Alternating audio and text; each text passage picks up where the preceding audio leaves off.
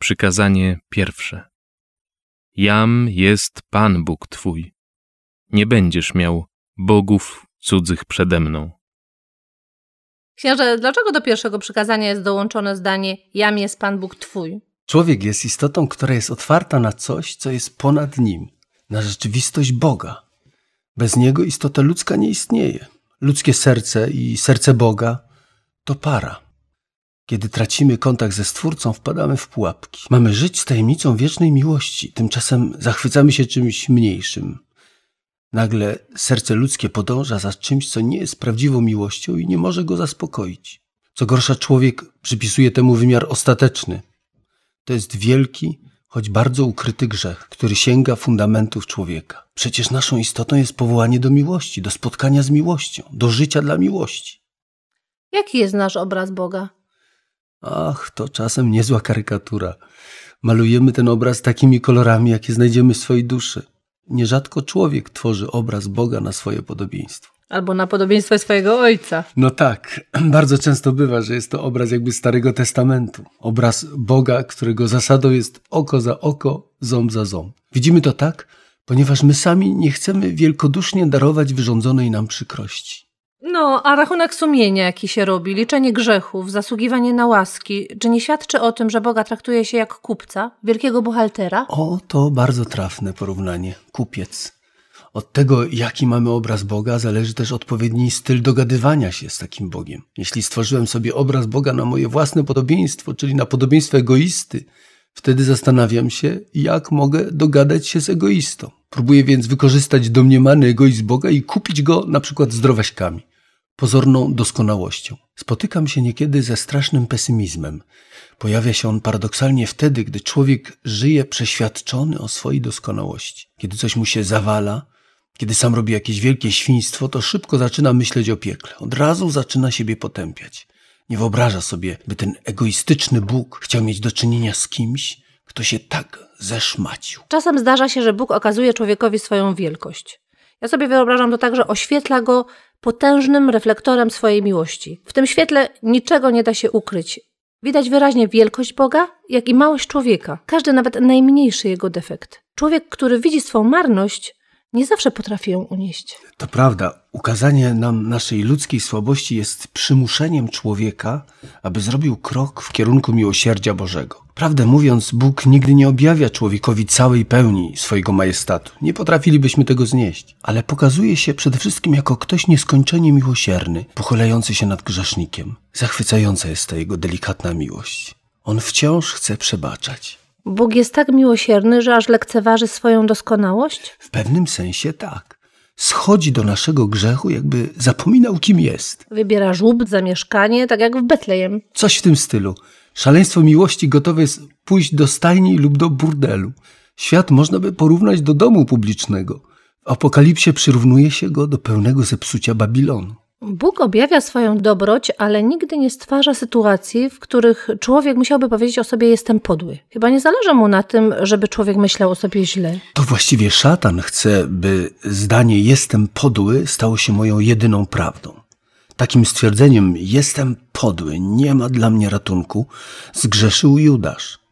I to jest grzech pychy. Człowiek jest kuszony przez szatana, ażeby stracił wiarę w samego siebie. Nawet wtedy, kiedy upada, gdy chce zaimponować sobie i Bogu, przynajmniej aktem samopotępienia, to straszne. Człowiek chciałby wierzyć w siebie. Wciąż szuka na to jakichś konkretnych dowodów, potwierdzenia, że jest wielki. Stara się i doskonali według głosu swojego sumienia. Owszem, tymczasem człowiek jest naprawdę wielki, bo jest dzieckiem Bożym. Dlatego nie może powiedzieć, że jest do końca zły. Bo jak można powiedzieć o sanktuarium, tabernakulum serca, w którym mieszka miłość Boża, że jest do gruntu złe? Można powiedzieć, że człowiek jest niewierny, że podłe są jego czyny, ale nie on sam. A my mówimy sobie, że on nas kocha za coś. Dla mnie rewolucją było odkrycie, że Bóg mnie kocha za darmo. To, to że nie muszę się starać, żeby wzbudzić jego miłość do mnie. Rzeczywiście dziwne, że tak trudno to odkryć. Przecież z miłością ludzką jest tak samo. Na przykład, gdy w kimś się zakochamy, to nawet gdy ten ktoś nas nie zauważy, to choć Cierpimy, jednak kochamy go nadal. Ktoś, kogo kochamy, nie musi nam dawać żadnych prezentów, a my i tak tęsknimy. Jedynym naszym marzeniem jest być jak najbliżej niego, słuchać jego głosu. Dlaczego więc nie możemy zrozumieć, że Bóg coś takiego czuje do nas? Co zatem zrobić z Bogiem, który jest sędzią sprawiedliwym, który za dobre wynagradza, a za złe karze? To wyobrażenie siedzi w ludziach bardzo mocno. Bóg jest w tym sensie sędzią, że dał nam sumienie. Głos, który mówi nam w środku, teraz zrobiłeś dobrze, a teraz źle. I to jest głos Boga, który jest sędzią. Bóg ustalił, że coś jest na pewno dobre, a coś na pewno złe i wpisał to odczucie w nasze serca. Można dzisiaj usłyszeć, że nie ma prawdy, a jednak prawda jest czymś obiektywnym, rzeczywistym. Ludzie mówią, że tej prawdy Pan Bóg nam nie objawia, a przecież doświadczamy kary. Zawiera się ona między innymi w cierpieniu, jakie czujemy, kiedy dochodzi do nas świadomość, że kogoś skrzywdziliśmy. Nie umiemy sobie poradzić z tym, że zrobiliśmy coś złego. Boli nas prawda o tym, że jesteśmy grzeszni. To cierpienie jest karą. Bóg nas nie karze jak matka, która natychmiast po grzechu przykłada dziecku w pupę. Na rekolekcjach często proces nawracania porównywany jest przez kapłanów do procesu umierania – do spotkania twarzą w twarz z Bogiem. Rozumiem, że spowiedź jest postawieniem się wobec obrazu Boga, zobaczeniem go twarzą w twarz już tutaj na ziemi. Ojcowie pustyni mówią, kto by zobaczył Boga, musiałby umrzeć. My coś takiego czujemy. Zestawienie naszych nieprawości z tym, kim jest Bóg, byłoby podobne do połączenia wody z ogniem. Woda wyparuje. To kojarzy się ze śmiercią. W zasadzie, gdyby Bóg nie chciał, żebyśmy istnieli, to byśmy zostali unicestwieni. On jest Bogiem miłującym. Kiedy odchodzimy od Niego, On nadal podtrzymuje nasze życie i nadal nam błogosławi. To Bóg sprawia, że nie giniemy, że woda pod wpływem ognia nie wyparowuje. Chce, byśmy umarli w momencie, kiedy nam będzie do Niego najbliżej? Bóg chce nas uratować za wszelką cenę. Mówił ksiądz kiedyś, że człowiek jest kanałem łaski Boga. Czyli Bóg jakby poszerza ten kanał kosztem? Kosztem naszego egoizmu. Porównując z balonem, podczas nadmuchiwania gumka balonu staje się cieńsza, ale balon wypełnia się. Wtedy rzeczywiście boimy się, że pękniemy. I to prawda, im bliżej Boga, tym bardziej człowiek staje się słaby, mniej pewny siebie. Coś w tym jest. Matka Teresa wcale nie była pewna siebie. Ona była bardzo otwarta na drugich i nie przywiązywała się do swoich racji. Miała duży dystans do siebie, dlatego umiała wchodzić we wspaniały dialog z drugim człowiekiem, bo go nie potępiała. Trudno jest wierzyć, że to, co zdarza się w ciągu dnia, jest optymalnym wyrazem Bożej miłości ku mnie. To właśnie istota wiary. Świadomość, że Bóg pozwala tylko na to, co jest dla nas najlepsze. To, co jest, jest dla nas najlepsze. Szkoda, że się tego nie widzi. To właśnie jest miara naszej niewiary. Gdybyśmy na przykład narkomankę zapisali do szkoły prowadzonej przez siostry zakonne, założę się, że będzie mówiła, że jest podglądana, osądzana, wciąż prześladowana, bo tak jest uwikłane we własny grzech. Natomiast dziecko rodziców, którzy przekazali mu świat wartości, poszerzyli horyzonty, zbliżyli do Boga, w takiej szkole rozkwitnie jak kwiat. Mówiliśmy o obrazie Boga. No właśnie, wróćmy do tematu. Kiedy stajemy przed Bogiem, widzimy nasze egoistyczne przywiązania, ale bardzo ciężko jest się ich wyrzec. I to nam się kojarzy ze śmiercią. Tak samo jak może się kojarzyć ze śmiercią powiedzenie mamy do dziecka: Teraz nie dostaniesz lodów, choć dla malucha może się to wydawać poważnym ograniczeniem życia, to na pewno nie jest to śmierć. Raczej przeciwnie, ratunek od przeziębienia. Dziecko jednak mówi dalej: Ja chcę teraz lodów. Miały być lody i koniec. Nie ma dyskusji. No i jest cierpienie. Z powodu egoistycznego pragnienia, z którym nie możemy sobie poradzić. W Piśmie Świętym są fragmenty opowiadające o szczególnych spotkaniach człowieka z Bogiem, z których człowiek wyszedł kaleki. Na przykład Jakub z przetrąconym biodrem, Paweł pod Damaszkiem upadł i oślep, Piotr Odkrył swoją nędzę. Odejdź ode mnie, panie, bo jestem człowiek grzeszny. Święty Paweł jednak chlubił się z ościenia. Dlatego, że upokarzającą słabość, która go odręczyła, święty Paweł zobaczył w nowym świetle. Ujrzał ją jako coś, co Bóg dopuszcza. Po to, by człowiek nie zagubił się, ale paradoksalnie, by zbliżył się do niego. Paweł zobaczył, że ze słabością wiąże się łaska, łaska oddania się Bogu i zrozumienia innych słabych. Był bardzo mądrym facetem. E, tak, tak. Ta inteligencja mogła mu zaszkodzić. Taki nieprzeciętny dar, jakim jest inteligencja czy inna wybitna zdolność człowieka, niesie ze sobą poczucie pychy. Zdarza się nieraz, że wielkie umysły schodziły na manowce, choćby uczeni w piśmie, a później twórcy herezji. Dziś też podobnych wydarzeń nie brakuje. Na przykład szwajcarski teolog Hans King, któremu Kościół cofnął misję kanoniczną wykładanie teologii na uniwersytecie. Albo chrześcijańscy męczennicy kartagińscy, opisywani przez Komodiana, przeżyli potworne tortury Decjusza, a z czasem zaczęli się domagać za to specjalnych praw. Rozbijali w ten sposób jedność Kościoła. Natomiast Paweł z poczuciem własnej marności mógł pójść do pogan. On, uczony faryzeusz, nie czuł się od nich lepszym.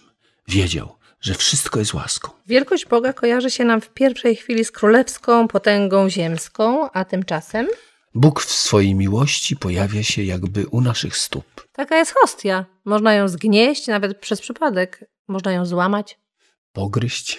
Pan Jezus zaprasza nas, żebyśmy także byli hostią. Nam, egoistom, może się to kojarzyć ze śmiercią. Hostia po łacinie znaczy ofiara. Człowiek mówi, jak to ja? Hostią?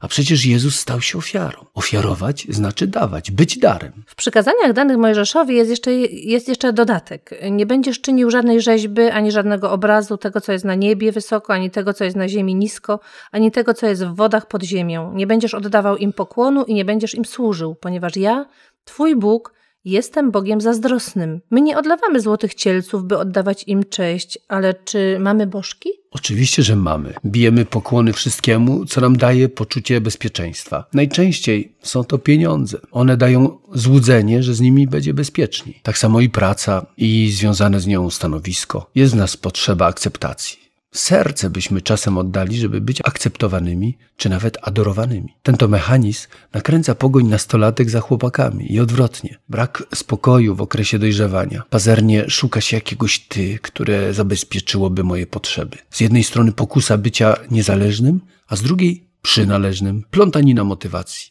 Chęć bycia docenianym, zaradnym, zdrowym, pięknym, wolnym od zobowiązań, a zarazem włączonym w jakiś ciągły układ, jak w łono matki. Człowiek jest rozdarty przez swoje własne bożki. Czy pobożność może stać się bożkiem? Owszem, to się y, wiąże z tą sferą, co ktoś o mnie pomyśli. W tym wypadku, co Bóg o mnie pomyśli i co ja sam o sobie pomyślę w tej dziedzinie. My chcemy nieustannie zasługiwać u Boga na dobrą opinię dobrą ocenę. Nie chodzi nam wówczas o osobisty kontakt z Bogiem, o spotkanie z Nim w miłości. Nasza relacja z Nim to nieprzerwany egzamin, w którym musimy zbierać dobre oceny, dobre stopnie. To nie ma nic wspólnego z kontaktem osobowym z Bogiem, który jest bezinteresowny w okazywaniu nam miłości, który nas kocha za darmo. Księże, a po czym można poznać, że mamy bożka? No przede wszystkim po stresach. Na przykład przychodzi ktoś do mnie na rozmowę i mówi, że jest wykończony. Zaczynamy się zastanawiać, dlaczego tak jest. Często dochodzimy do wniosku, że zmęczenie tej osoby wynika z tego, że walczy ona o swoją korzyść. Oczywiście mogą też być obiektywne przyczyny takiego stanu. Zazwyczaj jednak dobija nas to, iż się nie spełniają nasze potrzeby, które urosły do rangi bożków. Takim ukrytym bożkiem dla każdego z nas jest nasze własne ja. Jeżeli czcimy bożki, to w istocie wyznajemy cześć swojemu własnemu ja. Jeśli uprawiamy tego typu kult, to w chwili bezradności, słabości pojawia się napięcie. Widać wtedy znikomość tego bożka. Człowiek boi się, że rozsypie się jego królestwo. I czasem rzeczywiście wszystko się rozpada, bo musi się rozpaść. Wtedy za wszelką cenę człowiek umacnia fundamenty bożkowi, żeby się nie rozleciał. Coś klei, coś muruje, coś umacnia, choć nie da się tego umocnić. Nie da się z rzeczy stworzonej zrobić Boga. Jeżeli ktoś ma wrzody od stresu, to trzeba iść do spowiedzi? Tak? Do spowiedzi i do lekarza. Ja przez wiele lat cierpiałam na migreny, zresztą czasem się jeszcze teraz zdarzają. W szkole średniej bóle były tak mocne, że nie mogłam nawet dotknąć głową poduszki. Po latach analizy występowania tych migren doszłam do wniosku, że pojawiają się przede wszystkim wówczas, gdy wydaje mi się, że nawaliłam albo nawalę w bardzo ważnej sprawie, na przykład w sprawie, w jakiejś Bożej sprawie. Być może twoim bożkiem jest ukryte przekonanie, że jesteś prawie równą Bogu. Nie widzisz siebie jako osoby grzesznej, która często Bogu była niewierna. Odkrycie własnej słabości powinno stać się czymś oczywistym dla każdego chrześcijanina. Naprawdę jestem słaby i wiele razy zawodzę Boga. Bunt wobec własnej słabości świadczy o naszej pysze. Widać też tutaj ciasnotę myślenia. Dziękuję. Proszę bardzo. Pycha paraliżuje myślenie. Nie ukrywam, że już to przerabiałam. Z tym, że od y, odkrycia do realizacji to najdłuższa droga, jaką musi przejść człowiek. Nagle zobaczyłam swoją pychę w tym, że ja, ja, Joanna, mogę coś Panu Bogu zepsuć. To jest absurdalne. To odkrycie mnie uspokoiło. Mogę też stwierdzić, że męczą mnie jeszcze od czasu do czasu takie bóle głowy, ale dużo rzadziej i mniejszego kalibru. Człowiek nie widzi, że Bóg nas tak bardzo kocha, że potrafi nam dać wiele łask, nawet poprzez doświadczenie porażki. W niektórych sytuacjach upadki są nawet konieczne, żebyśmy zmądrzeli i zobaczyli miłosierdzie Boga, żebyśmy zobaczyli, że On nas dalej kocha, że nieustanne powstawanie ma sens. Bez psucia Panu Bogu planów nigdy nie doszlibyśmy do odkrycia tego, że On jest aż tak dobry. E, Na przykład Piotr mówił, że się nie zaprze Jezusa. A Pan Jezus na to Zaprzesz się. Piotr nie wierzył. Zaparł się, a później zobaczył, że Pan Jezus mu to przebacza. I wtedy odkrył, jaki Pan Jezus jest dobry. Nie gloryfikuje ksiądz grzechu? Skąd? Gloryfikuje miłosierdzie Boże, które na tle grzechu nabiera pełnego blasku. No dobra. Kogo czczą mężczyźni? Dla mężczyzny na przykład często staje się bożkiem potrzeba władzy, potrzeba dominacji, potrzeba bycia kimś. Mężczyzna chce być widziany jako ktoś, kto daje poczucie bezpieczeństwa, kto ma po temu możliwości. Mężczyzna żyje wówczas w złudzeniach. Tym bardziej, że nie ma takiego bezpośredniego kontaktu z życiem jak kobieta. Ma umysł bardziej nastawiony na myślenie abstrakcyjne. W związku z tym ulega często pokusie tworzenia własnej interpretacji historii, poprzez którą chciałby się usprawiedliwić. Ta przeklęta logika, która ściera drugiego w pył. Oto to właśnie to. Mężczyzna może uważać na przykład, że jest mądry, dlatego że jest mężczyzną. I to jest mit, w który święcie wierzy.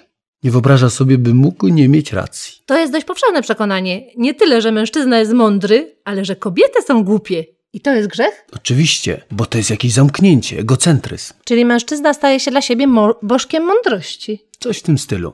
Ma bożka własnej mądrości, własnej inteligencji, mitu własnej wielkości. A kobieta? Jakie ona bożki może sobie tworzyć? Kobieta ma podobnego bożka, ale go nie nazywa mądrością, tylko intuicją. Ona uważa, że o wiele lepiej wszystko wyczuje, niż mężczyzna zrozumie. Ale to jest prawda.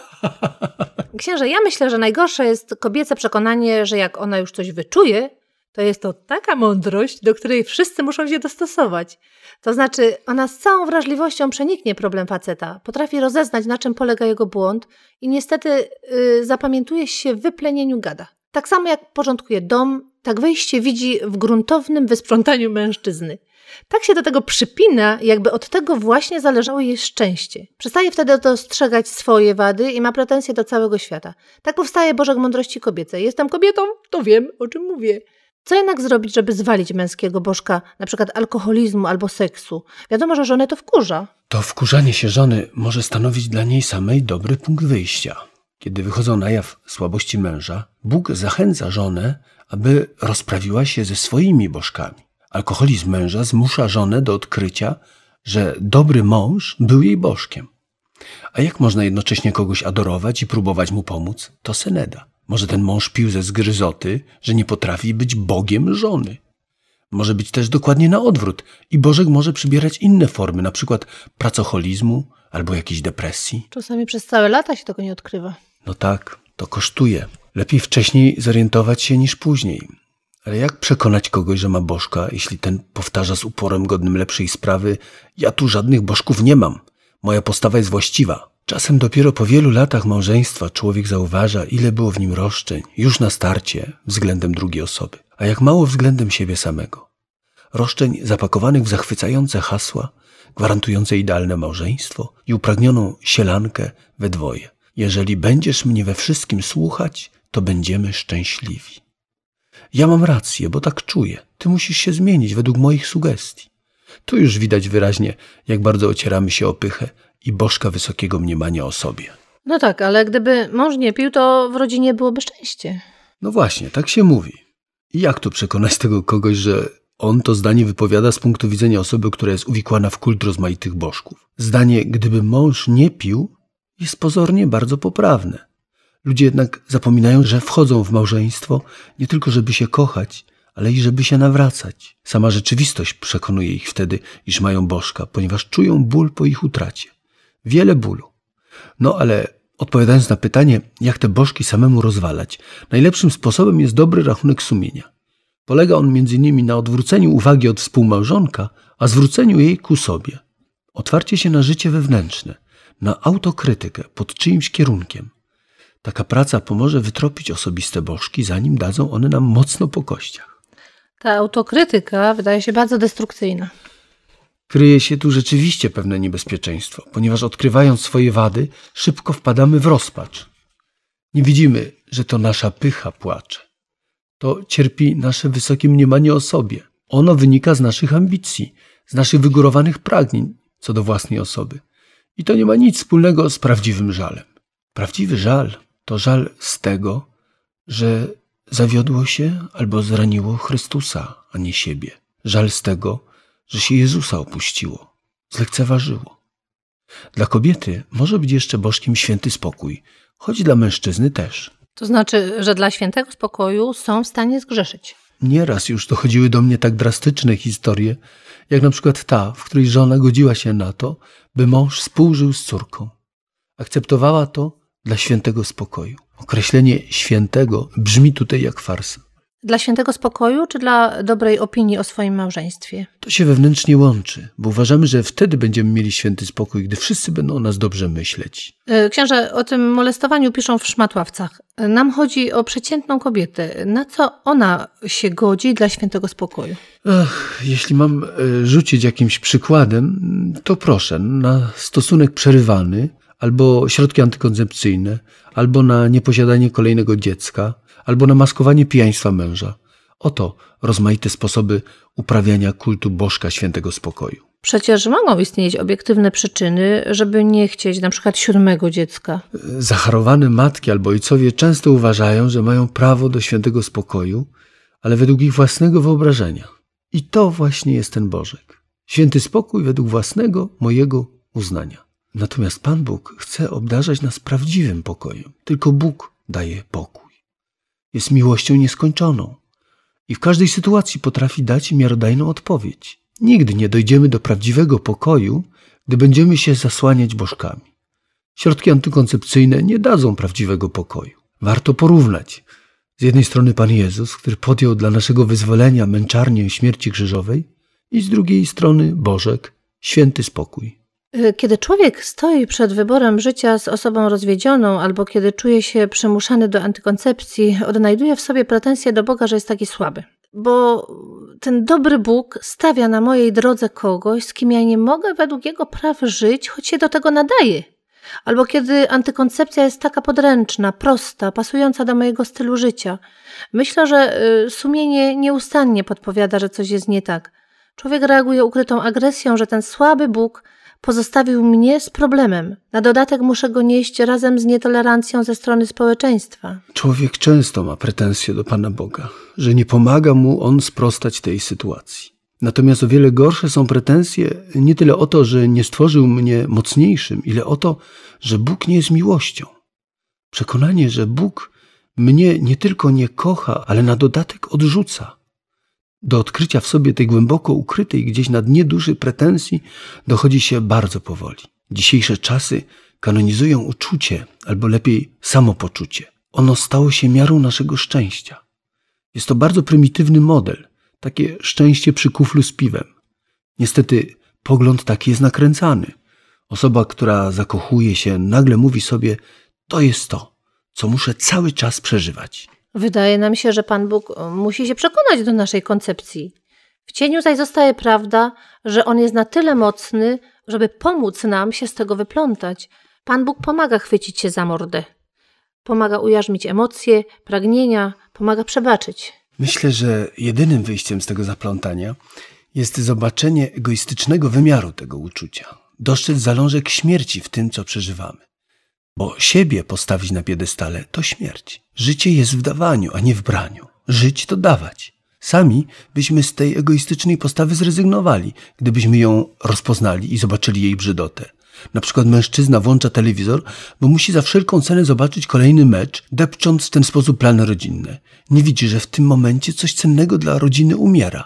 Nie dostrzega, że umiera jakiś kawałek jego samego, jako ojca, jako męża. Włącza telewizor albo wyżera lodówkę.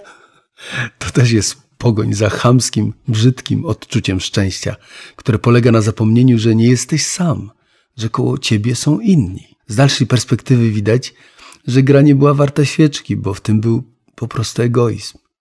A po czym poznać, że bożkiem stały się dla rodziców dzieci? Myślę, że przede wszystkim po amplitudzie szarpnięć emocjonalnych, po reakcjach na to, co dzieci wyrabiają. Na przykład, kiedy dziecko przynosi złe oceny ze szkoły i w domu zaczyna się tragedia, załamanie, noc nieprzespana, w tym momencie widać, że rodzice położyli całą swoją nadzieję w dzieciach. Dzieci są ich jedynym oparciem. Na dodatek rodzice są w stanie dla nich zrobić każde głupstwo. To, co się dzieje z dziećmi, rzutuje na ich samopoczucie i jest istotnym warunkiem ich szczęścia. A to dzieci czują. Jakoś osiada to na nich okropnym ciężarem. Uzależnienie od dziecka blokuje fantazję rodziców i nie pozwala na właściwe decyzje wychowawcze. Często zdarza się tak, że mąż idzie u żony w odstawkę, a jego miejsce zajmują dzieci, które pochłaniają jej całą uwagę. Dzieje się tak zwłaszcza wtedy, gdy mąż już nieraz nakarmił ją rozczarowaniem, a dzieci jeszcze nie zdążyły. Zaczyna ona inwestować w dzieci, nie dla nich samych, ale dla siebie, żeby odnieść korzyść emocjonalną. No a jak to jest z dziećmi? To może się wydać trochę skomplikowane, ale bożkiem dzieci bywa bożek dobrego mniemania, jakie mają o nich ich rodzice, koledzy, czy też nauczyciele. To się ujawnia, gdy dzieci chcą za wszelką cenę zadowolić rodziców albo zadowolić swoją klasę. Potężnym bożkiem może być bożek dobrej opinii w klasie. Po czym poznać, że się powaliło swojego bożka? Gdy prysną więzy uzależnienia, człowiek czuje się wtedy nowonarodzony, przynajmniej w tej dziedzinie. Widzi, że potrafi konstruktywnie działać. Na przykład, gdy przestaje być materialistą, to zaczyna o wiele lepiej wykorzystywać pieniądze. Kiedy uświadamia sobie swoje zniewolenie materializmem, zaczyna tę sferę odnosić do Boga i prosić Go o pomoc. Potrafi także jakiś błąd przebaczyć sobie i jest w stanie przebaczyć ten błąd innym. Polepszają się wtedy nasze relacje z innymi. Czuje się obdarowany Bożym przebaczeniem, Bożym miłosierdziem. Chętniej dzieli się swoimi dobrami z innymi ludźmi, ale do końca nie będziemy mieli pewności, czy Bożek jest powalony, czy też nie. Bo ten bożek to, to jest taka wańka wstańka. Coś w tym rodzaju. Gdy człowiek czuje, że go już pokonał, chętnie osiada na laurach. Pan Bóg musi jakby dopuścić, żeby kolejny Bożek zwyciężył, bo tym, który ostatecznie powala bożki, jest tylko Bóg. My możemy go tylko prosić o wyzwolenie i przyjmować ten dar. Ale to by zakładało, że w człowieku nie ma postępu. Właściwie tak. Jedynym prawdziwym postępem jest postęp dokonywany z Chrystusem. Nie ma postępu ludzkiego. No a jak się do tego ma? Świętość. Świętość właśnie jest darem.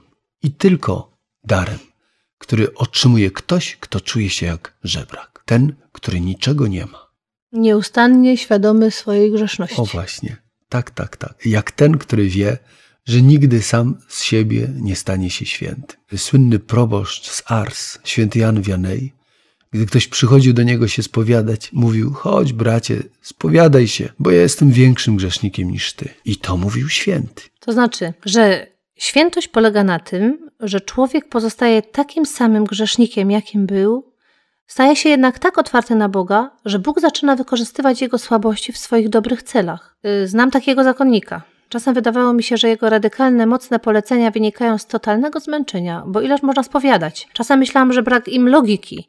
Potem okazało się, że te mimochodem wydawałoby się rzucane słowa procentowały w moim życiu jakimś epokowym odkryciem czy wydarzeniem. Bóg nie tylko wykorzystuje słabość, ale również chroni przed grzechami. Co jest ołtarzem Bożka? Ołtarzem Bożka są szczeble kariery, grono pogańskich przyjaciół, prywatna hierarchia wartości albo pragnienie absolutnej niezależności, a tak naprawdę to nasze własne ja. Ludzie posuwają się do rozwodów, aborcji, samobójstwa, bo gdzieś u zarania pojawił się Bożek, któremu zbudowano ołtarz. Rewolucja zjada własne dzieci. Gdyby nasze chrześcijaństwo było świeże, zewangelizowałoby pogańskie układy. Jeśli okrucieństwo dzisiaj narasta, to jest to wyraźny znak dla nas, że to my nie żyjemy Ewangelią. W starożytnym Rzymie ludzie dla Jezusa dawali się pokroić. Ilu ich zginęło? Dziś nie każdy chrześcijanin zdaje sobie sprawę z tego, co to znaczy, że Jezus jest moim Panem. Dochodzimy znowu do tego samego, że między nami a Jezusem nie ma osobistej relacji miłości. Dobrze to widać na przykładzie dziewczyny, która zakochuje się w chłopaku. Byłoby fantastycznie, gdyby ta dziewczyna najpierw rzuciła się w ramiona Chrystusa, a dopiero potem szła w ramiona chłopaka, już razem z Chrystusem. I wtedy chłopak otrzymywałby razem z ukochaną jakiś niesłychany dar. Dar pokoju serca, optymizmu, dar o jakim dotąd nie marzył. Każdy z nas musi najpierw wpaść w ramiona Chrystusa i uznać w nim swojego Pana, żeby potem iść w świat i robić coś sensownego samemu. Kochać, a nie uganiać się za ochłapami pseudomiłości. Słyszał ksiądz o modlitwie żydowskich dzieci. W ręce Twoje, Panie, oddaję ducha mojego, uczyń ze mną, co chcesz. Fragment tej dziecięcej modlitwy usłyszeliśmy z krzyża. Nie każdego stać na taką modlitwę. No czasem kochankowie tak sobie mówią i, i, myślą, że wypowiadają to szczerze. Gdyby to było szczere, to nigdy by nie doszło do żadnych kłótni w małżeństwie. Chodzi o to, by to powiedzieć najpierw Jezusowi. Rób ze mną, co chcesz. Dopiero wtedy, kiedy uwierzymy w miłość Jezusa, jest możliwe oddanie życia bliźniemu i pokrojenie się dla niego na kawałki. Jakie bożki czczą księża? Jakoś mam chrypkę teraz. No cóż. Śmiało. Myślę, myślę, że takie same jak inni ludzie, bo księża są zwykłymi ludźmi. Często dla kapłana bożkiem może stać się jego inteligencja albo intuicja, jeśli nawiązać do przysłowia ksiądz i niewiasta z jednego ciasta. Na pewno próżność. Przypominam sobie moją pierwszą parafię, gdzie byłem początkującym wikarym. Pewnego dnia rozmawiałem z moim pierwszym proboszczem, Sylwestrem Antoszem. Mówiliśmy o kapłanach, którzy odeszli od kapłaństwa. Wtedy on zwrócił moją uwagę na fakt, że byli to ludzie mający ambicje kariery naukowej, chęć bycia kimś, pragnienie własnej chwały grozi każdemu z nas.